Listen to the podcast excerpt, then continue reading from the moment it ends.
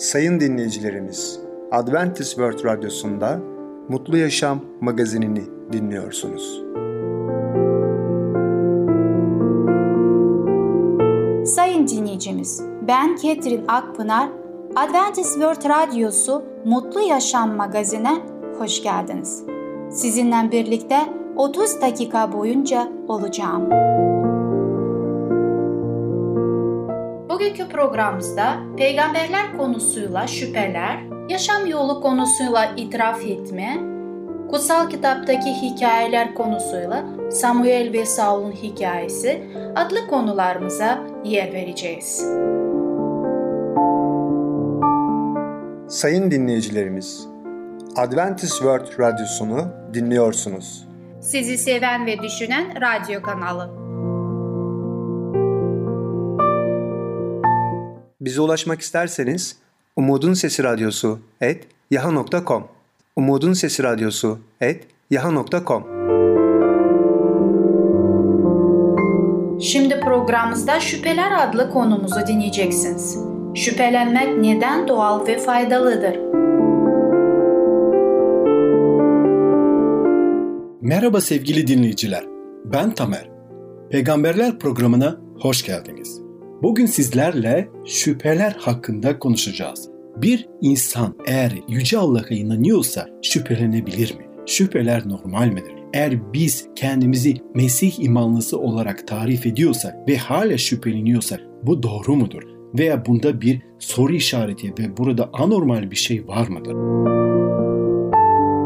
Mesela ben de kendim için şunu düşünüyorum. Eğer ben hala günah işliyorsam demek ki belki de ben Yüce Allah'a yeterince güvenmiyorum. Allah'a güvenip onun yasasına, onun harika karakterine güvenip ben maalesef gene de onun doğrultusundan, onun söylediği o ebedi evrensel ahlaki yasasından sanki bir sapmış oluyorum ve böylece günah işlemiş oluyorum. Demek ki biz insan olarak yanlış olanı da yapabiliyoruz. Konu şüphelerim olup olmadığı değil, şüphelerime nasıl baktığıma aslında önemli konudur. Bir gün üzüntüden perişan bir baba koşarak İsa'ya geldi ve şöyle bağırdı. Öğretmenim diye seslendi. Yalvarırım oğluma bakıver. Ruhu kovmaları için öğrencilerin yalvardım ama başaramadılar. İsa babanın yüzüne baktı ve ne demek mümkünse dedi. İman eden biri için her şey mümkündü. Çocuğun babası hemen iman ediyorum, imansızlığımı yenmeme yardım et diye feryat etti. İsa çocuğa iyileştirdi. Baba şüpheleri olduğunu itiraf ederek kadar dürüsttü. Zihinsel bakımdan intihar etmemişti ama aynı zamanda şüphelerinin kendisini hiçbir yere getirmediğini itiraf ederek kadar da alçak gönüllüydü. Evet bunu Markus 9. bölümde bulabiliyoruz bu hikaye. Demek ki insanlar bazı şüphelenebiliyorlar. Şüpheler konusunda Yüce Allah da bize çok ciddi bir şekilde uyarıyor. Biz insanlar olarak ne zaman şüphelenirsek şüphelenelim daima Yüce Allah'a gelebiliriz.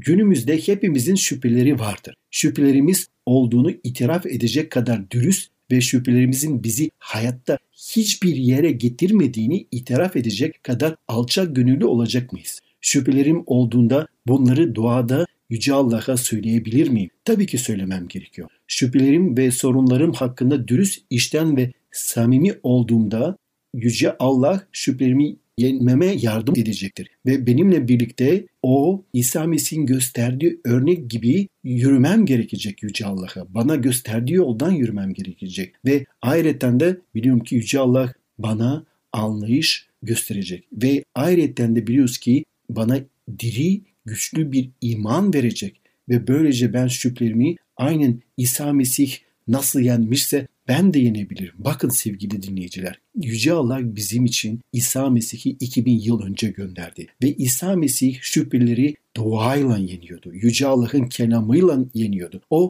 bizim gibi yüzde yüz insan olarak yaşadı ve bizden inanın çok daha fazla denendi. Çok daha büyük denenmelerden geçti ve başarıyla geçti ve hiçbir günah işlemedi. O bizi tam anlamıyla anlayabilir. O gerçekten bize yardım elini uzatabilir. O bizim dualarımızı tam anlamıyla Yüce Allah'a, yaratıcımıza, semavi babamıza iletebilir, dönüştürebilir. Dua sadece hoş bir formül değildir. dua bir insanoğlunun Allah'a derdini yakarışıdır. Allah bizimle harikulade şekillerde buluşacak ve bizi eşsiz ve harikulade şekillerde tatmin edip doyuracaktır. Hayır, bu dünyadaki hiçbir zaman bütün soruların cevabını bilemeyeceğiz. Sorular, şüpheler ve günahtan hiçbir zaman tamamıyla özgür olmayabiliriz. Ama Mesih imanları gözleri gayretle Yüce Allah'a yönelmeli ve Allah'ın huzurunda duran avukatımız ve ara bulucumuz İsa Mesih'e bakmalıyız. O nasıl bu şüpheleri ve bu günaha olan ayırtmaları, denenmeleri başarıyla geçmişse biz de onun örneğini kullanıp aynı şekilde biz de başarabiliriz. Bakalım İsa Mesih nasıl bu denenmelerden geçti? Onun yaşam boyu bir sürü denenmeler ve bir sürü ayırtmalar vardı ama o onlara yenik düşmedi. Şeytan onu kandırmaya çalıştı ama Mesih bizim için bir zafer kazandı. Mesih bizleri yaşamımız boyunca yaşayan Allah'ın önünde bizi savunacak, bizim için ara bulucu olacak ve bizim dualarımızı yüce Allah'a iletecek. Şüphelerimiz ve sorunlarımız ortasında biz de aynen İsa Mesih'in örneğinden faydalanabiliriz ve onun yaşamını daha iyi bir şekilde, derin bir şekilde inceleyebiliriz ve öğrenebiliriz. O nasıl başardı? Biliyoruz ki onun öğrencilerinden, havarilerden Thomas da İsa Mesih'in ölümünden dirildi. Bizler onun kendi gözlerimizle gördük demişlerdi ama Thomas şüpheci biriydi. Onun ellerinde çivilerin izini görmedikçe, çivilerin izini parmağına dokunmadıkça ve elimi böğrüne sokmadıkça inanmam demişti. Bir gece bütün öğrencileri bir aradaydılar. Birdenbire İsa Mesih gelip ellerini Thomas'a uzattı ve gel Thomas elini uzat böğrüme koy, imansız olma, imanlı ol dedi. Thomas şüphe etmeyi bıraktı ve iman etti. Mesih'in önünde diş çöküp Rabbim ve Yüce Efendimiz İsa Mesih dedi. Thomas'ın kafasında sorular vardı ama Thomas'ın şüpheleri de vardı. Ama İsa Mesih Thomas'ı o sorular ve şüphelerin arasında karşıladı ve Thomas iman etti. Sonra İsa Mesih ona beni gördüğün için mi iman ettin dedi. Görmeden iman edenlere ne mutlu. Yuhanna İncili 20. bölümde bunu okuyabilirsiniz. Mesih'in öğretilerinin, karakterinin ve davranışlarının, iddiaların, mucizelerin ve ölümün ve dirilişinin kanıtı onun güvenilir olduğunu açıkça gösterir. İsa Mesih gerçektir. Bizim şüphelerimiz ve sorularımızdan daha büyüktür. Bu şeyler İsa Mesih için bir tehlike oluşturmazlar. Sadece onu kendimizden uzak tutmak için şüphelerimizi kullandığımızda onu üzerler tabii ki. İsa Mesih bizimle çok yakın bir ilişki içinde olmak istiyor. Bizimle dualar aracılığıyla sohbet etmek istiyor. Ve ayrıca de biz de maalesef bazen kendi şüphelerimizle bu samimi bir sohbete ve ilişkiye engel olabiliyoruz. Sevgili dinleyiciler, hayatımızda neler geçirirse geçirelim unutmayalım. Yaşayan Allah diridir, tek bir Allah'tır ve o gerçekten bize büyük, sonsuz, ebedi bir sevgiyle yaklaşıyor. Evet biz günahkarız ama İsa Mesih bizim için öldü ve o bizim günahlarımızın affedilmesi için ara buluculuk yapıyor Yüce Allah'ın önünde. Sevgili dinleyiciler, bugünkü konumuz sona eriyor. Bir sonraki programına kadar hoşçakalın. Sevgili dinleyicimiz, Şüpheler adlı konumuzu dinlediniz. Gelecek hafta pazartesi günü Peygamberler adlı programımızı aynı saatte dinleyebileceksiniz. Sayın dinleyicilerimiz, Adventist World Radyosunu dinliyorsunuz. Sizi seven ve düşünen radyo kanalı.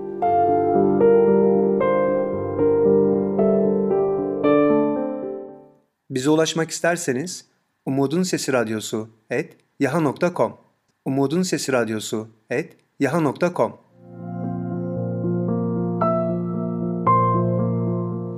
Şimdi programımızda itiraf etme adlı konumuzu dinleyeceksiniz. Allah'ın gözünde itici olan nedir? Neden onlardan vazgeçmeliyiz? Adem ile Hava nasıl günahını itiraf ettiler? Merhaba sevgili dinleyicimiz. Yaşam Yolu adlı programa hoş geldiniz. Ben Ketrin.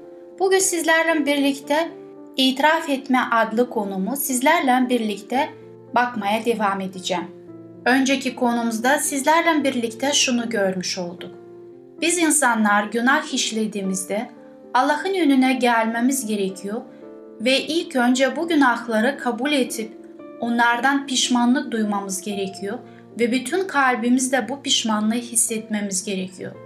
Ondan sonra onları Allah'ın eline vererek ondan bizi affetmesini istememiz gerekiyor. Fakat bazı insanlar çeşit şekilde tövbe etmektedir. Peki her insan aynı bir şekilde tövbe etmektedir ve Allah nasıl gerçek bir itiraf olmasını istemektedir? Sizinle birlikte bugünkü programda bakmaya devam edeceğim. Adem ile Hava yasak meyveden yedikten sonra bir utanç ve dehşet duygusuyla dolmuşlardır. İlk olarak tek düşünceleri günahların nasıl mazur gösterip korkunç ölüm cezasından kaçabilecekleri oldu.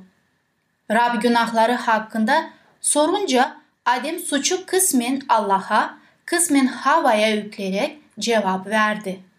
Yanıma koyduğun kadın ağacın meyvesini bana verdi. Ben de yedim dedi. Kadın ise suçu yılana yükledi. Yılan beni aldattı, o yüzden yedim. Bu sözleri Yaratılış kitabında bulmaktayız. 3. bölümde 12. ve 13. ayetlerde. Sen neden yılanı yarattın? Sen neden onun adene girmesine izin verdin? Onun bahanesinde iman edilen sorular bunlardı. Böylelikle düşüşlerinin sorumluluğunu Allah'a atfediyordu. Kendine haklı çıkarma ruhu yalanların babasından kaynaklanmaktadır ve Adem'in tüm çocuklarında sergilenmiştir. Bu türden itiraflar ilahi ruh tarafından ilham edilmemiştir ve Allah'a kabul edilebilir olmayacaktır.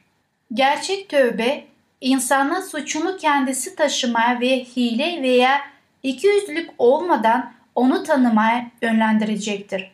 Zavallı vergi görevlisi gibi gözlerini bile göğe kaldırmadan Allah'ım ben günahkara merhamet et. Bu sözleri Luka'da 18. bölümde 13. ayette bulmaktayız diye haykıracaktır ve suçlarını tanıyan aklanacaktır. Zira tövbekar ruhu İsa kendi kanıyla savunacaktır. Allah'ın sözündeki samimi tövbe ve utanç örnekleri içinde günah için hiçbir mazeret veya kendini haklı çıkarma teşebbüsü olmayan bir itiraf ruhu sergilemektedir. Pavlus kendini korumaya çalışmadı. Kendi günahın en konu tonlarıyla resmediyor. Suçunu hafifletmeye çalışmıyor. Şöyle diyor. Başkahillerden aldığım yetkiyle kutsallardan birçoğunu hepsini attırdım. Ölüm cezasına çarptırıldıkları zaman oyumu onların aleyhinde kullandım. Bütün havraları dolaşıp sık sık onları cezalandırır, inandıklarına küfretmeye zorladım. Öylesine kudurmuştum ki onlara zulmetmek için bulundukları yabancı kentlere bile giderdim. Elçilerin işlerinde bulmaktayız bu sözleri 26. bölümde 10. ve 11. ayetlerde. Mesih İsa günahkarları kurtarmak için dünyaya geldi. Günahkarların en kötüsünü benim demekten kaçınmıyor. 1. Timoteus'ta 1. bölümde 15. ayette bu sözleri bulmaktayız. Samimi tövbe ile yatıştırılmış mütevazi ve kırık bir kalp Allah'ın sevgisine ve Golgota'nın bedeline değer verebilecektir. Ve aynı bir oğlun sevecen bir babayı itirafta bulunduğu gibi gerçekten tövbekar bir kimse tüm günahlarını Allah'ın öne getirecektir.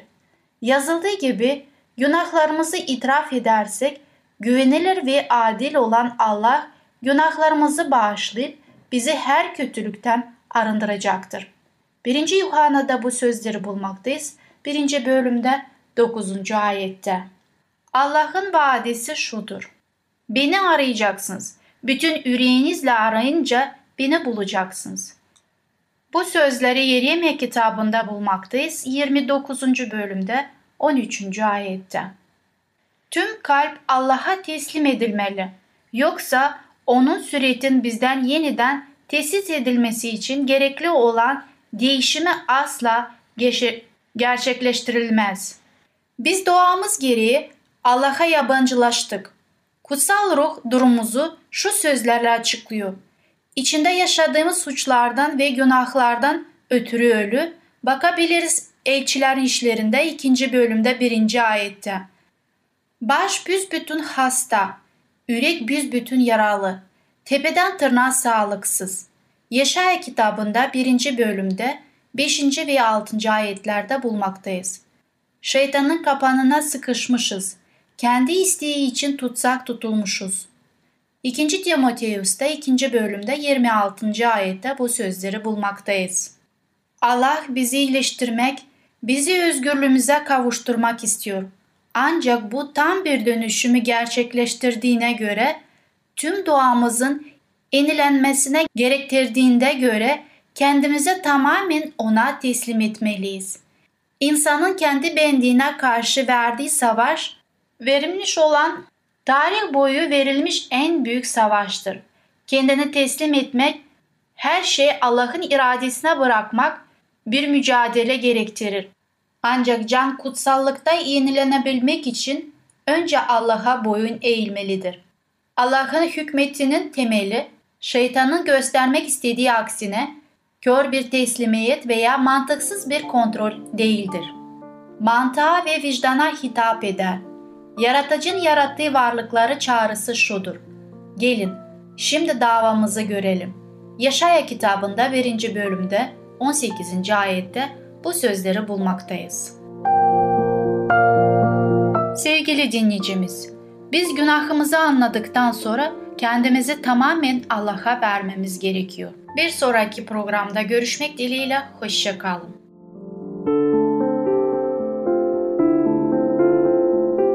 Sevgili dinleyicimiz, İtiraf Etme adlı konumuzu dinlediniz. Gelecek hafta cumartesi günü Yaşam Yolu adlı konumuzu aynı saatte dinleyebilirsiniz.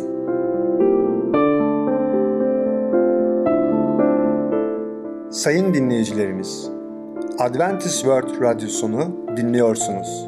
Sizi seven ve düşünen radyo kanalı.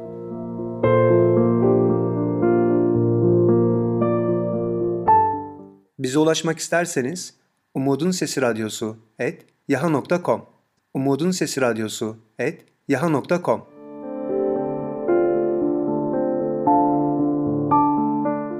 Sevgili küçük dostum, Samuel ve Saul'un hikayesi adlı konumuzu dinleyeceksin. Rab kralları nasıl seçer?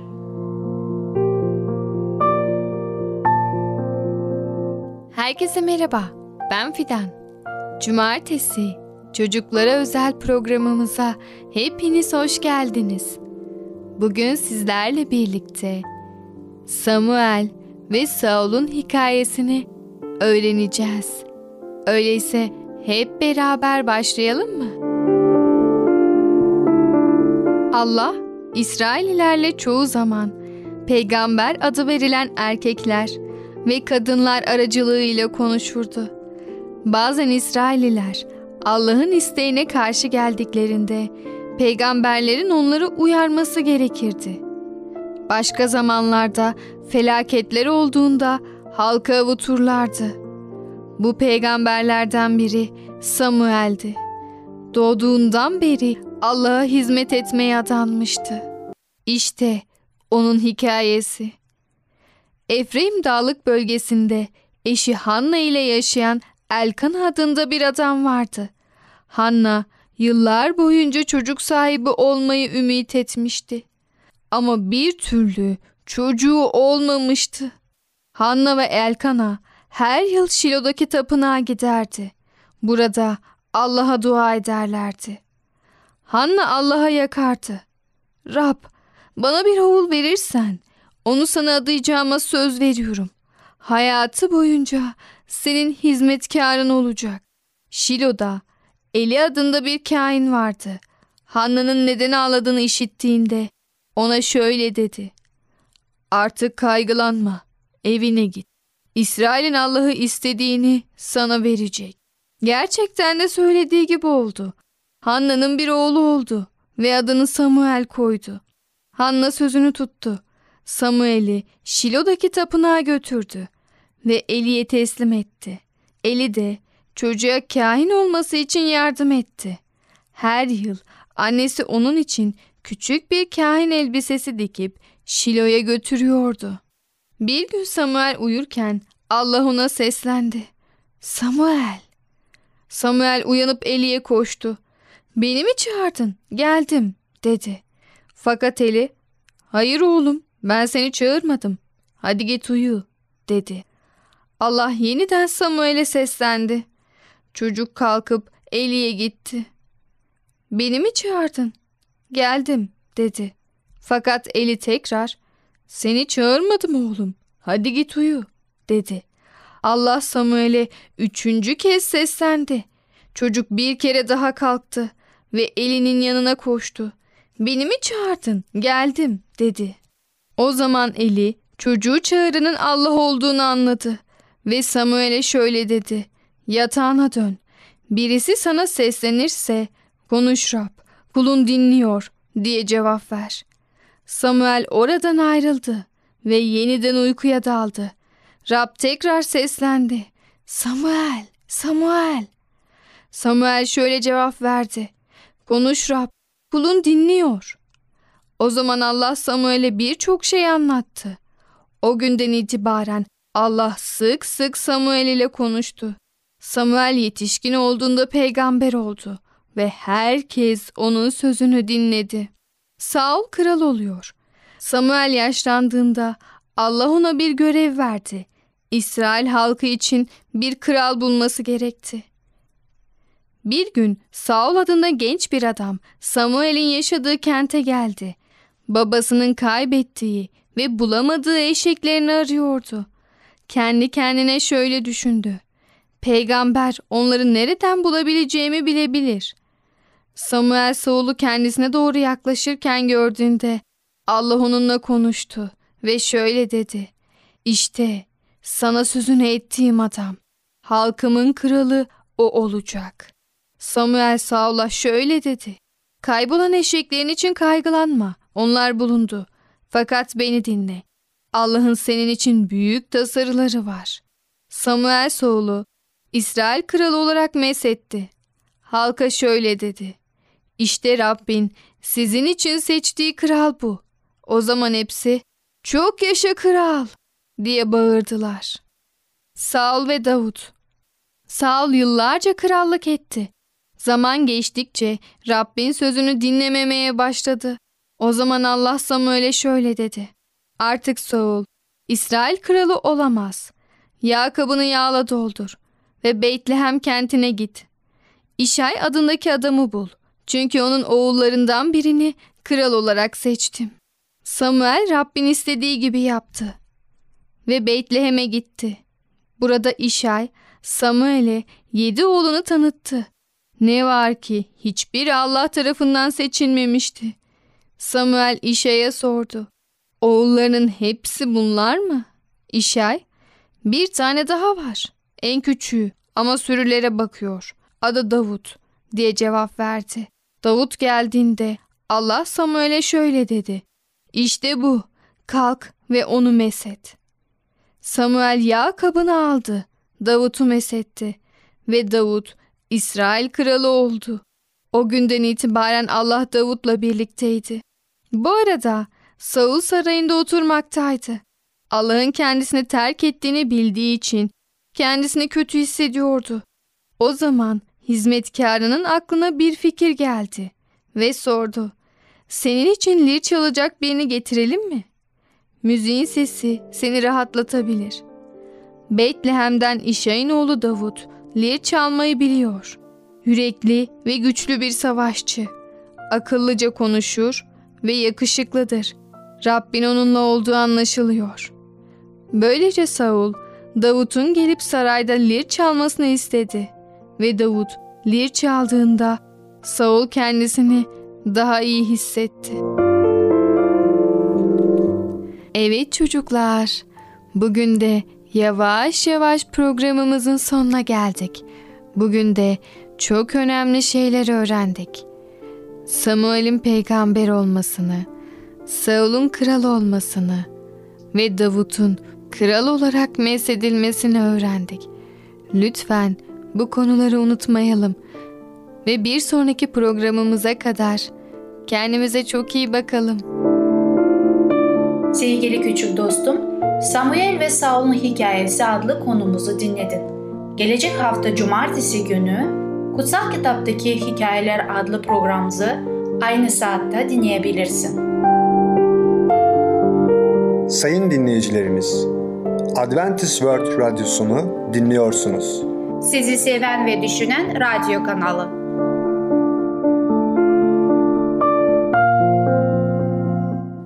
Bize ulaşmak isterseniz Umutun Sesi Radyosu et yaha.com Umutun Sesi Radyosu et yaha.com